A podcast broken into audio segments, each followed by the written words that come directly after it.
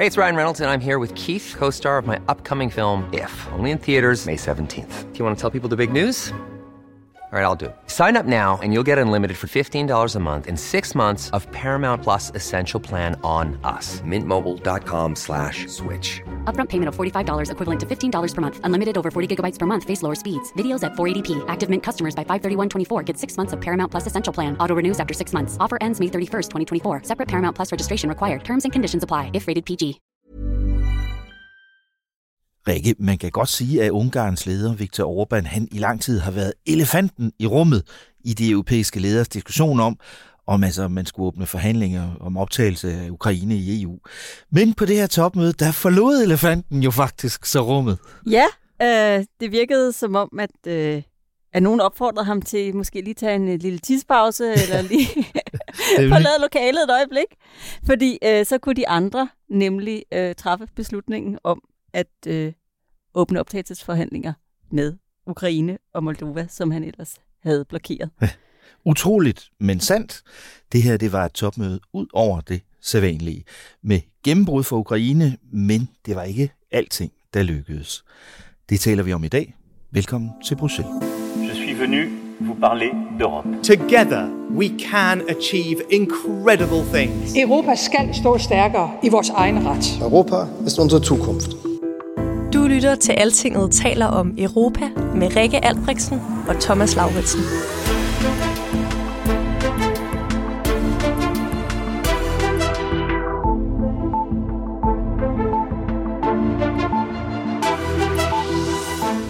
We have set up seven preconditions, and even by the evaluation of the Commission, three out of the seven is not fulfilled. So there is no reason to negotiate membership of Ukraine now, even not to negotiate.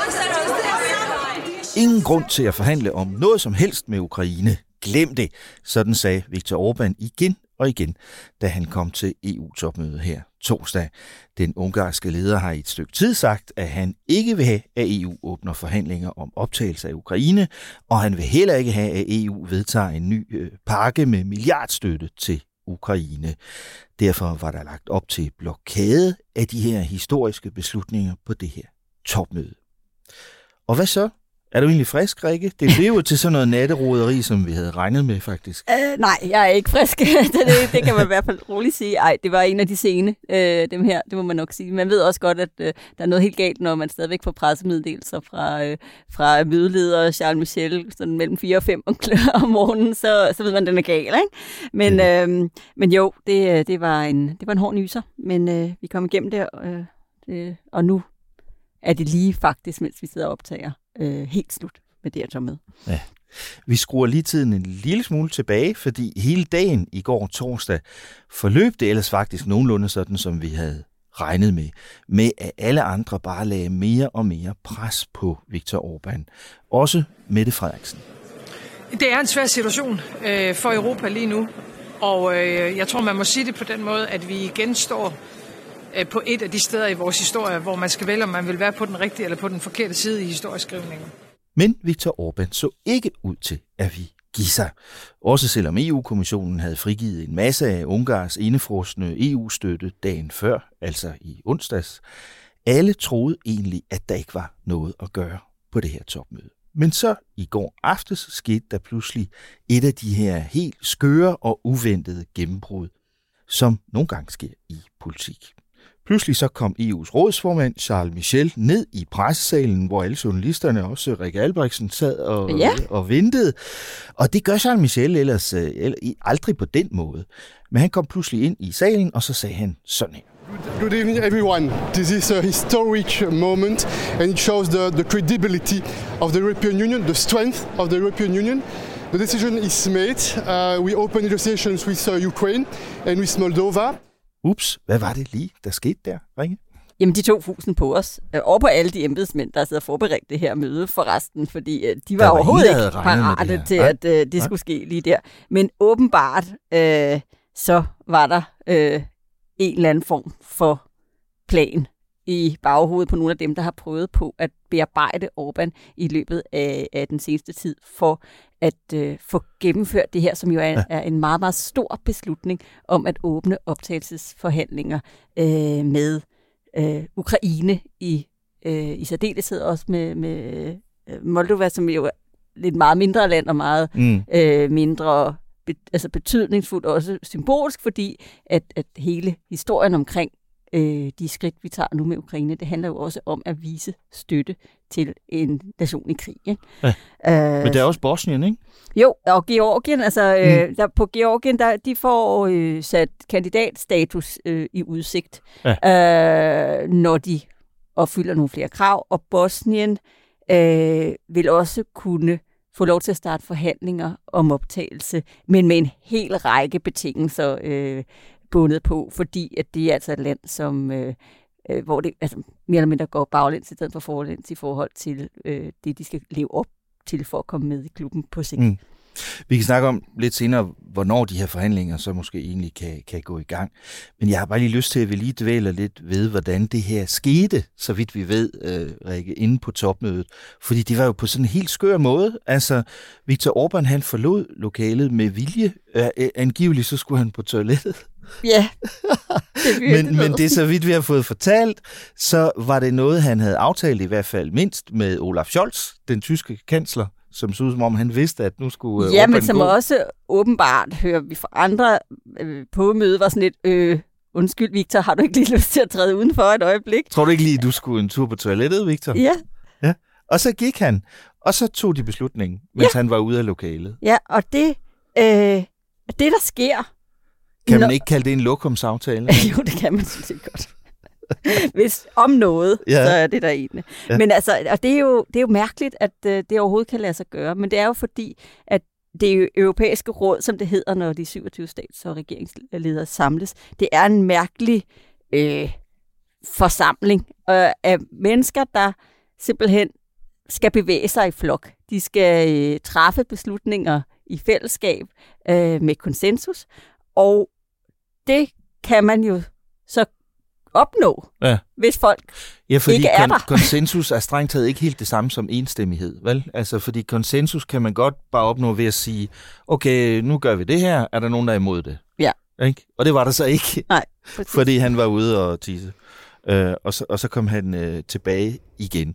Så det er sådan en mærkelig situation. Har vi nogensinde set det gjort på den måde før? Vi har jo set sådan andre øh, eksempler på sådan det, man kan kalde for konstruktiv afståelse, som det hedder, hvor man ja. sådan, altså på en eller anden måde, altså sådan, måske er lidt imod, men, øh, men sådan tiger lidt omkring det, eller for, på en eller anden måde sådan kommer til at blive ja. øh, behandlet, som om man står uden for, for beslutningen. Men aldrig på den her måde, og slet ikke på den der sådan, altså, ja, den her mærkelige fasong, hvor det der jo sker er, manden går ud, de andre beslutter det her, manden kommer tilbage, starter en social mediekrig omkring, ja. hvordan ja. at det her er en fuldstændig forfærdelig beslutning, der er blevet truffet, ja. og hvordan det altså øh, altså er netop fuldstændig øh, meningsløst, irrationelt og forkert beslutning at starte forhandlinger med Ukraine ja. under disse omstændigheder, og han kører der ud af. Vel at mærke i et tv-klip, der blev lagt ud på, på sociale medier, som var forproduceret jo. Ja. Sådan et kan man jo ikke, så ikke lave, mens man er gået på toilettet i Nej, 10 minutter, så der, vel? så der er noget der, som Så som det har, har tydeligvis rumlet. været planlagt fra, også fra Orbans side i, i, i et stykke tid, at det skulle ske på den måde, ikke? Og så kan han ligesom gå ud bagefter og, sådan, og, og få det til at lyde, som om han lidt øh, brugte sit veto alligevel, øh, selvom han ikke øh, gjorde det. Og, og netop det der forklarede den belgiske regeringsleder Alexander de Croo, som jeg jo godt kan lide, Rikke, fordi, eller som vi godt kan lide, fordi han har det med at sige tingene, som de er. øh, og det gjorde han også i, i nat, da han øh, blev spurgt øh, om, om øh, Viktor Orbán efter hans opfattelse øh, nedlagde veto eller, eller ej. Prøv at høre. Mm. Well, what I heard indeed is that he was going to use his, his veto right.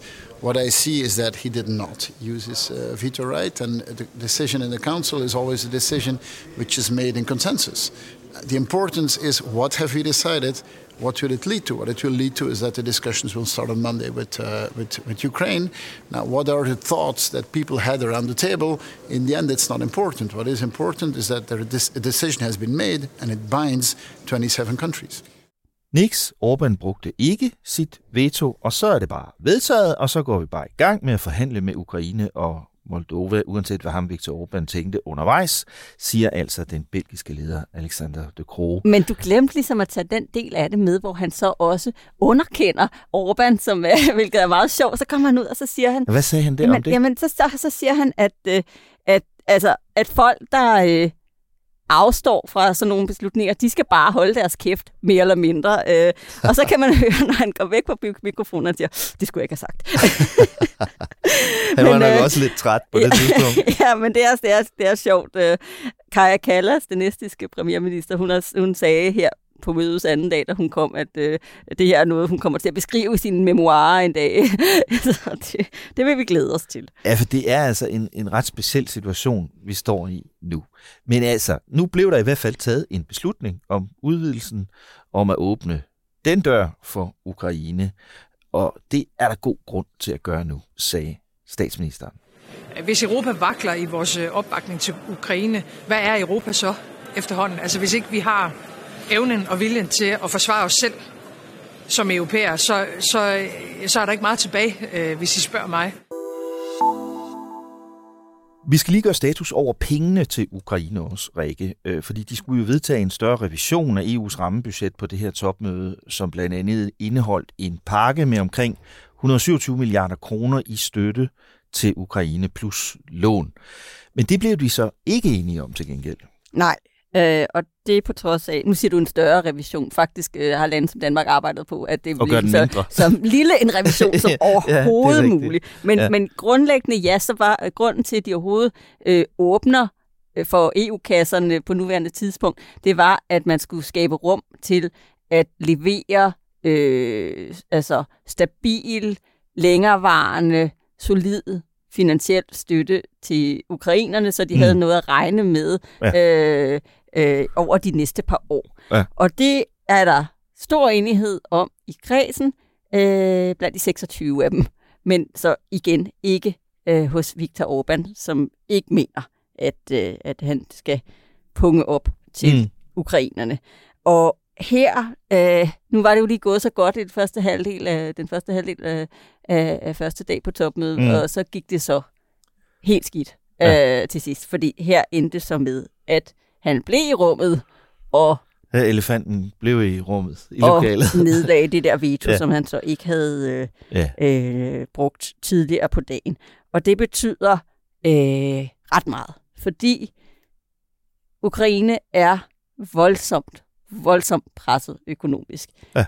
Samtidig er der jo den udfordring, at amerikanerne også har indrigspolitiske øh, problemer, ligesom man jo kan sige, at EU-klubben egentlig har i det ja. her øh, Præsident det her Biden kan ikke få, få sin støttepakke til Ukraine igennem kongressen. I Nej, og, og det er sådan i omfang mere eller mindre samme med ja. pulje penge, som europæerne prøver på at skibe til Kiev. Og det betyder jo, at øh, altså, de har virkelig brug for støtte. Også fordi, at de penge, som EU hidtil har øh, leveret, egentlig den mekanisme, man gør det igennem, den løber helt til marts, men man har simpelthen udbetalt alt, hvad der var i den.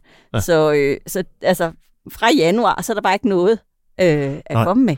Og, og den, den ukrainske finansminister har udtalt for nylig, så jeg, at, at øh, hvis ikke de får de her penge fra hverken EU eller USA, så, så går landet simpelthen for lidt. Altså allerede næste år. Så falder hele landets øh, økonomi sammen. Fordi de bruger alle statens penge på at føre krig og forsvare landet mod øh, Rusland i øjeblikket. Ikke? Så de kan simpelthen ikke, landet kan ikke løbe rundt. Nej, og det er også øh, fra, fra EU's side har det jo hele tiden været meningen, at man netop skulle give den her øh, stabile pengestrøm, også ud fra et mere strategisk ja. syn på, at øh, ja, man hjalp øh, regeringen med at holde lyset tændt øh, i regeringskontorerne og, og så videre, men det handlede også om, at man øh, så var med til at finansiere nogle af de reformer, som mm. Ukraine skal øh, igennem for at, øh, at kunne opnå de her mål om at starte optagelsesforhandlinger og komme på det her reformspor, som vil gøre dem ja. øh, i stand til at, øh, at øh, leve op til, til, til de regler, der, som EU har. Ikke? Ja. Øh, og det øh, er samtidig en mulighed for kommissionen til at holde styr på de penge, man så sender derover. Øh, fordi der er helt, en hel masse øh, begrænsninger på, hvad det kan bruge til, bruges til, og, og meget mere sådan opsyn med det, hvis man kører det over EU-budgettet. Mm. Øh, så det vil sige, at det her har bare været noget, som man, man rigtig, rigtig gerne vil give mm. øh, præsident Zelensky, men det har også været noget, der var på en eller anden måde interessant for os selv. Mm.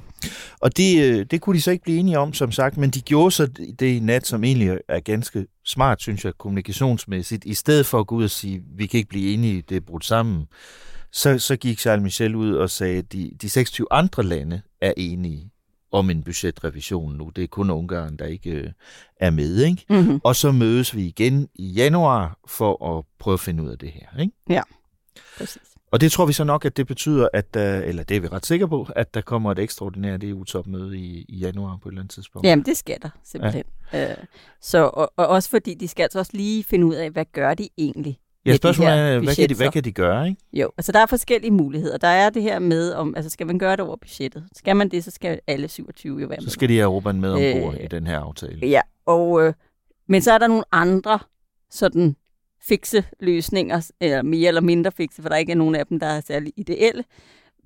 Der er en mulighed for, at man bare øh, forlænger den makrofinansielle støtte, som man allerede giver. Um, det kan man gøre med flertal, det vil sige, at man kan køre Orbán over. Mm. Uh, men det er sådan en kortsigtet løsning, for det kan man kun gøre i et år, og det vil så sige, at det skal så genforhandles uh, i slutningen af året, og der er dem, der leder øh, forhandlingerne i, i EU's ministerråd, øh, Ungarn.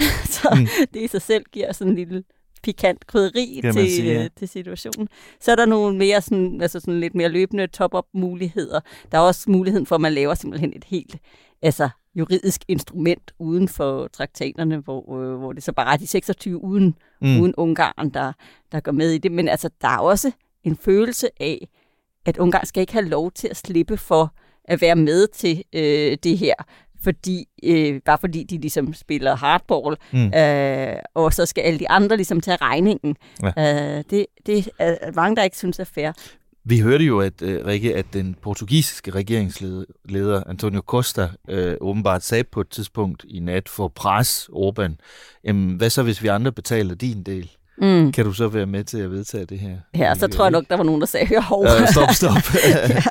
Og det er også, altså alt det her efterlader jo altså også det lidt øh, pinagtige spørgsmål om, øh, jamen, hvad er der så, hvad, hvad med resten af de penge, som øh, unionen fattes lige for tiden, og som var, som man skulle blive enige om øh, ved det her topmøde. Det er så blevet barberet ned til en, en meget sådan, ja.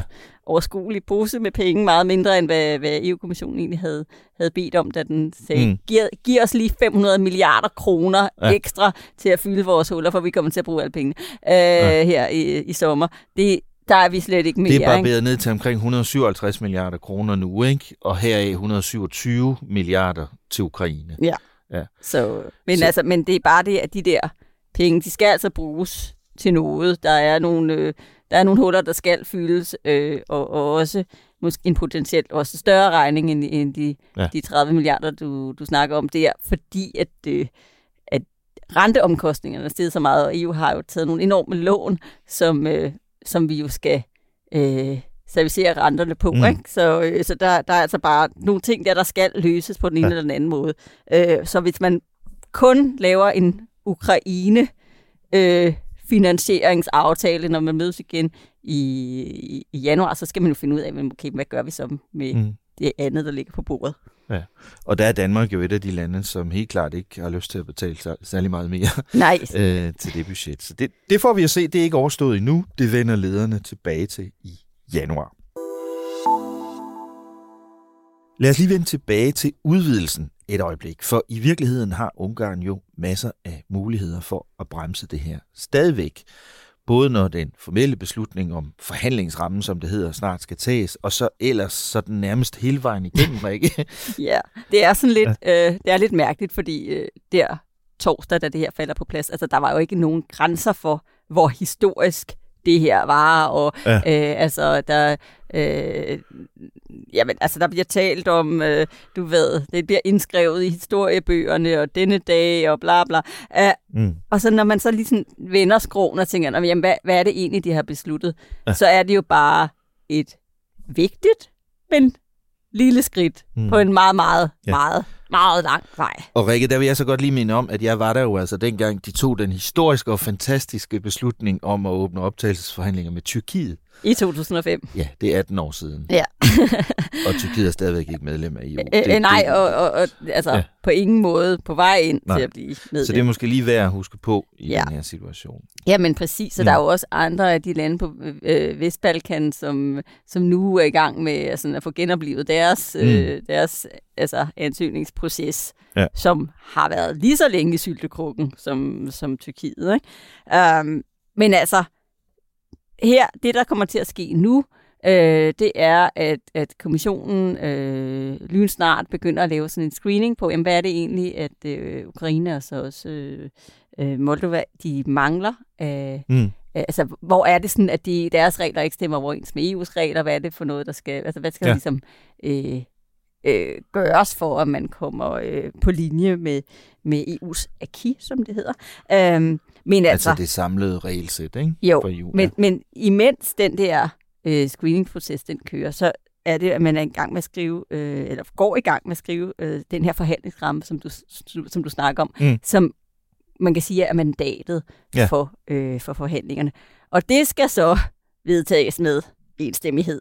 Øh, og det er sådan, kommissionen håber på, at de kan, øh, altså, kan melde tilbage en gang i marts på, hvordan og hvorledes det her skal være strikket sammen, og så håber de også på, at Ukraine selv så er nået i mål med nogle af de øh, reformer, dem som vi hørte øh, Viktor Orbán Mm. mm. kritisere, at de ikke var nået i mål med øh, Ja, endnu. Og det er han jo sådan set ret i. Ja, fuldstændig. Og det, og det Mm. mm. tror jeg også, det er, altså, det er også den måde, som både øh, Ursula von der Leyen og lederne, de ser den her proces. De siger, de siger også, ja, de skal lige i mål Mm. med, med de sidste af de ting, som, som de Ja. mangler, blandt andet til sådan noget Og- med korruption og oligarker og mindretalsbeskyttelse og ting og sager, som, som ikke er på plads endnu.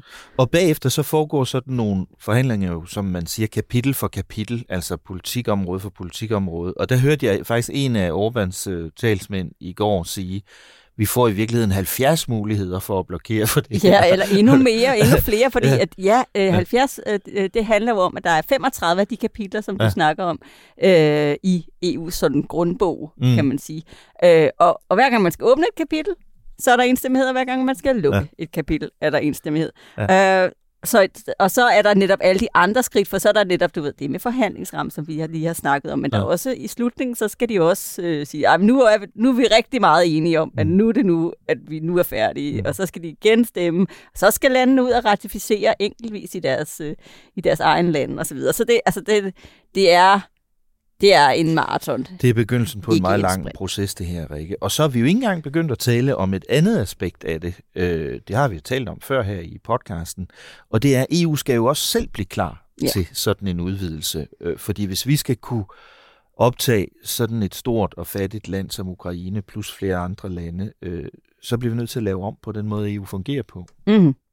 Ja, og det, øh, det øh, noterer de sig også i, øh, i rådet øh, her til det her topmøde, at siger, nu, nu skal vi i gang, og til sommer der vil vi komme med øh, et udspil øh, til, hvordan det skal foregå.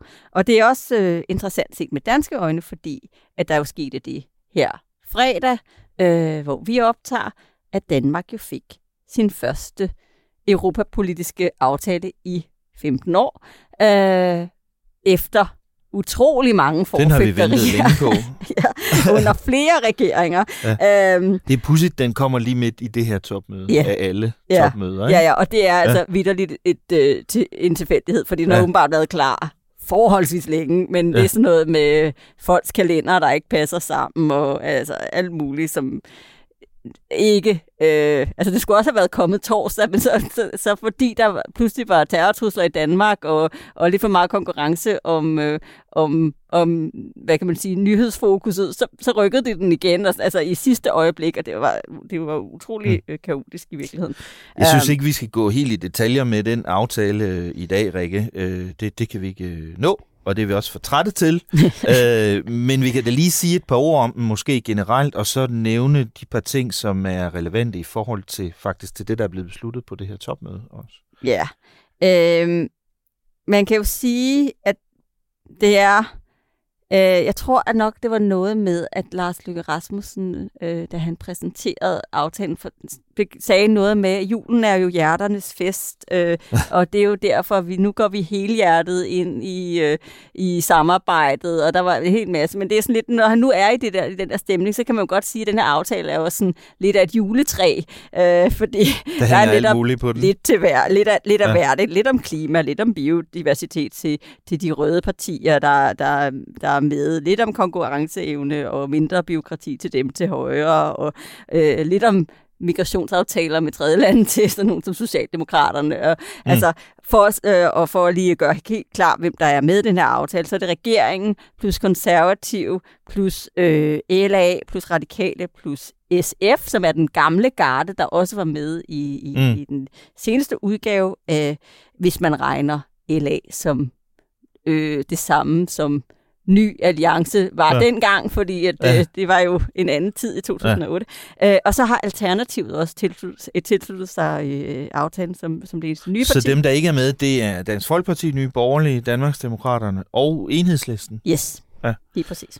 Men ellers er der rimelig bred øh, opbakning. Ja, øh. og det vil sige, det er så øh, en af de pointer ved aftalen, at man genbekræfter det, der jo sådan set har været en grundpille under dansk EU-politik i årtier, mm. nemlig at man havde et bredt EU-positivt flertal over ja. midten, ja. som en gang imellem så hinanden i øjnene, nu godt nok med 15 års mellemrum, og, med, og, og, og sådan generklæret, at ja, vi er sådan set øh, tilhængere af det her samarbejde. Vi vil arbejde for, at Danmark øh, står stærkt i det. Øh, vi støtter øh, vi støtter ligesom øh, op om øh, at gå konstruktivt til det her øh, arbejde, og nu nævner vi nogle områder, hvor vi gerne mm. vil fokusere vores kræfter, og, hvor, og så lægger man så øh, over 10 sider en ramme for, hvordan skiftende regeringer, indtil der nu kommer en ny aftale på et eller andet mm. tidspunkt,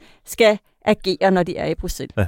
Og det er de, faktisk en af de ting, de gør med den her aftale, øh, er, at de går all in på den udvidelse, som lige er blevet besluttet nu på det Præcis. her topmøde. Ikke? Og det er, altså det, det er jo interessant, øh, fordi at det havde ikke været givet for sådan nogen som dig og mig, bare for et år siden, at Danmark øh, sagde, øh, kom indenfor, lad os endelig bare lave et, øh, ja. du ved, bunkebryllup af en anden verden, og ende med et, øh, et EU, der har måske 35, ja. 35 medlemmer, eller, ja. eller det omkring i fremtiden. Men de siger helt åbenlyst, Ukraine er velkommen i klubben, landene på Vestbalkan er, er, er velkommen i klubben. Alt sammen selvfølgelig under forudsætning af, at de lever op til de øh, krav, der er til ja, ja. medlemskab. Og det, det er jo på grund af den geopolitiske situation. Ikke? Altså yes. her ser vi virkelig konsekvensen af krigen i Ukraine ikke? Mm. I, i dansk europapolitik også. Ikke? Den anden store ting i det her, det er jo altså, at øh, man for første gang åbner for flertalsafstemninger inden for udenrigspolitikken. Ja. Øh, og det har jo været et stort no-no før. Øh, der, det er noget, som Danmark bare har haft generelt berøringsangst øh, overfor. Det er jo alt, alt, hvad der hedder sådan noget magtoverførsel øh, til, til EU. Øh, det, er mm. jo, det er jo sådan noget, man har, har det lidt svært med tit. Um, og især på udenrigs- og sikkerhedspolitik og den slags. Ikke? Ja, mm. og det er altså øh, for øh, bare lige at ramme det ind, ikke bare sådan en... Øh, øh, ja, nu synes vi bare helt, at vi skal afskaffe al enstemmighed på det område. Det er ikke, altså, det er sådan noget som for eksempel forsvars- og sikkerhedspolitik, det er allerede skrevet ind i traktaterne, det er enstemmighed og sådan noget. Så det, ja. altså, det vil vi ikke pille ved, ved, og det kan vi heller ikke pille ved, sådan, uden at det altså, kræver mm. en meget stort arbejde. Men der, hvor man kan øh, gå ind og Øh, altså der, hvor der også er meget snak generelt i EU-kredsen lige nu, det er sådan noget som for eksempel øh, når man skal altså sende erklæringer om menneske, altså menneske, overgreb på menneskerettigheder, skal alle så ligesom være med, mm. øh, før at EU kan have en holdning til et eller andet øh, grusomt. Mm. Fordi der vil meget tit i kredsen være nogen, der har en eller anden helt særlig venneforbindelse til et eller andet land, som gør, at de ikke har lyst til at slå ja. på dem. Ja. Også når de opfører sig rigtig dårligt. Ikke? Og ja. det, altså, det er bare sådan en det er bare sådan noget, der, der er sådan lidt pinligt, at man så som EU ikke kan forholde mm. sig til de store ting, der sker ude i verden. Mm. Øh, så er det også sådan noget som for eksempel øh, civile missioner. Øh, det er også sådan noget som for eksempel øh, sanktioner, men ikke sådan, nu beslutter vi at lave sanktioner mod Rusland mm. for første gang, mere som i, Når man nu opdaterer dem. vi, Ja. Mm. ja nu forlænger, måske forlænger dem, men nu også nu opdaterer vi de lister af folk, som, øh, Mm. øh, som vi vil indfryse midler øh, på, eller ikke vil lade rejse mm. Ind i EU, ja. sådan at, altså igen, at de ikke sådan bliver fanget de her øh, øh, nogle gange sådan mærkelige øh, gisselsituationer, hvor et land så stopper alle andre for at gå videre. Ikke? Så det, det kan man sige, det er sådan et af de klare øh, nye skridt, der er i den her nye øh, Europa-aftale, og som hænger tæt sammen med den udvikling, EU skal i gang med nu for at gøre klar til en ny stor øh, udvidelse. Ja, og der er bare, og der er bare, hvor man så bare lige så også skal sige, okay, hvad er der så ikke i den her aftale? Ja. Der er altså ikke noget med, at vi vil afskaffe forbehold, for eksempel. Nej. De siger, vi holder øje med det der retsforbehold, fordi der er jo en del sager på det område, hvor Danmark øh, ryger længere og længere. Ja. ud på et sidespor, øh, fordi der bliver truffet en masse beslutninger, som vi ikke kan være med i. Øh, men der er på ingen måde nogen, der, øh, der lover, at det kommer de til at kigge på, om, om vi skal afskaffe. Og så siger de også, og vi behøver altså heller ikke nogen traktatændringer. Øh, vi kan udmærket klare os i, i EU-systemet med de regler, som vi har. Så på den måde indhegner det jo så også ja. den danske position. Og begynder ligesom at gøre Danmarks position klar i de her diskussioner om reformer i EU, der skal, der skal gå i gang. Som du nævnte, Rikke, så er det jo paradoxalt nok Viktor Orbán, der overtager formandskabet i andet halvår næste år. Så der vil han jo altså også kunne kaste grus i maskineriet med, med nogle af de her ting. Ikke? Jo. Øh, og, og den her proces kommer måske først rigtig i gang, så når det faktisk i, i 2025 bliver Danmarks tur til at, at køre formandskabet i EU. Ikke? Mm. Så, så, så vi ser nogle spor blive lagt ud her på det her topmøde, som bliver meget vigtige øh, for Danmark. Og jeg tror godt, man kan sige, at det blev et historisk topmøde. Det ja. er ikke. Synes du ikke godt, vi kan bruge det ord? Jo, det synes jeg egentlig godt, vi Og kan. det blev anderledes, og sådan set meget mere positivt for Ukraine, end man lige kunne have, have forventet, også selvom langt fra alting er løst endnu, som vi kan høre. Tak for i dag, Rikke. Selv tak. Og tak for indsatsen. Du må hjem og hvile dig, tror jeg. Ja, ja, når jeg har været til julemarkedet min, med min, på min børns skole. det er nok det sidste, jeg har lyst til lige nu. Kære lyttere, lige inden vi slutter, så synes jeg lige, at vi skal fejre beslutningen om Ukraine med et ret sjovt klip, der flyder rundt på internettet. Volodymyr Zelensky, han var jo komiker og skuespiller, før han blev præsident, før krigen. Han blev berømt blandt andet på grund af en tv-serie i 2015 til 19, der hed Folkets Tjener, Rikke, Ligesom hans parti. ja, hvor han spillede en præsident. Mm-hmm. Dengang drømte Ukraine også om at blive medlem af EU, og i den her scene fra serien får præsidenten en opringning fra den daværende forbundskansler i Tyskland, Angela Merkel. Altså, det er ikke hende, det er en skuespiller. det begynder fantastisk, men det ender ikke nær så godt, som det faktisk gjorde i dag her i Bruxelles fire år senere. Her kommer Folkets Tjener. Hello, my congratulations. We decided to take your country to the European Union. Oh, fuck! Oh, I'm sorry. Oh, wow! Oh, you know, I'm so happy. Yes. Oh, oh and, uh, thank you very much, all the uh, Ukrainians and uh, all of our country. Uh, we've been waiting for this so much time. Ukrainian? Yes, Ukrainians. Oh, I'm so sorry. That's mistake. I was calling to Montenegro.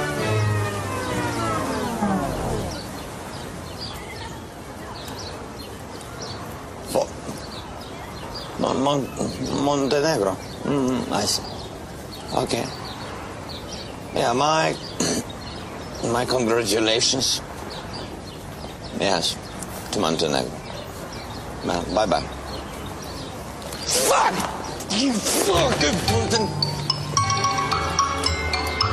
Stop!